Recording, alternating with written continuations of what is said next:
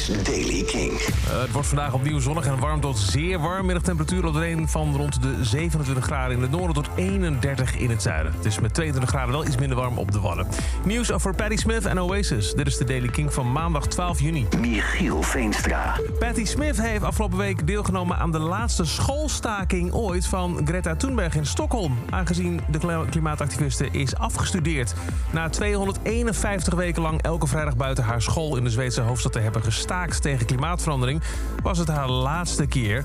Ze blijven wel doorgaan met wekelijkse protesten, maar het is geen schoolstaking. Smith was deze week op tournee in Stockholm en werd op Instagram gefotografeerd naast Thunberg tijdens het protest en uitte haar bewondering voor de activisten.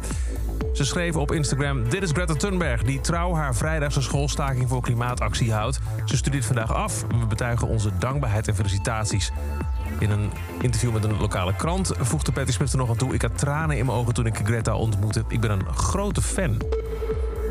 Fans van Oasis hebben Liam Gallagher massaal opgeroepen om een belofte na te komen over de reunie na de overwinning van Manchester City in de Champions League zaterdagavond. De favoriete voetbalclub van de broertjes Gallagher won hun eerste Europese titel door Inter Milaan in Istanbul te verslaan. Voorafgaand aan de finale beloofde Liam al op Twitter dat hij de strijdbel met zijn broer Noel zou begraven voor een Oasis-reunie als het team de Champions League zou winnen. Nou ja, na die overwinning vragen fans Liam om nu zijn behoefte te houden en een reunie te organiseren. Noel Gallagher, die niet bij de finale in Istanbul kon zijn vanwege tourverplichting in de Verenigde Staten, werd na de finale wel toegezongen door Manchester City-fans in een bar in San Diego. En dat is over deze editie van The Daily Kink. Elke dag een paar minuten bij met het laatste muzieknieuws en nieuwe releases. Niks missen? Luister dan elke dag via de Kink-app. Dan kun je ook abonneren op deze podcast. En voor meer nieuwe muziek en muzieknieuws... luister je vanavond weer vanaf 7 uur naar Kink in Touch.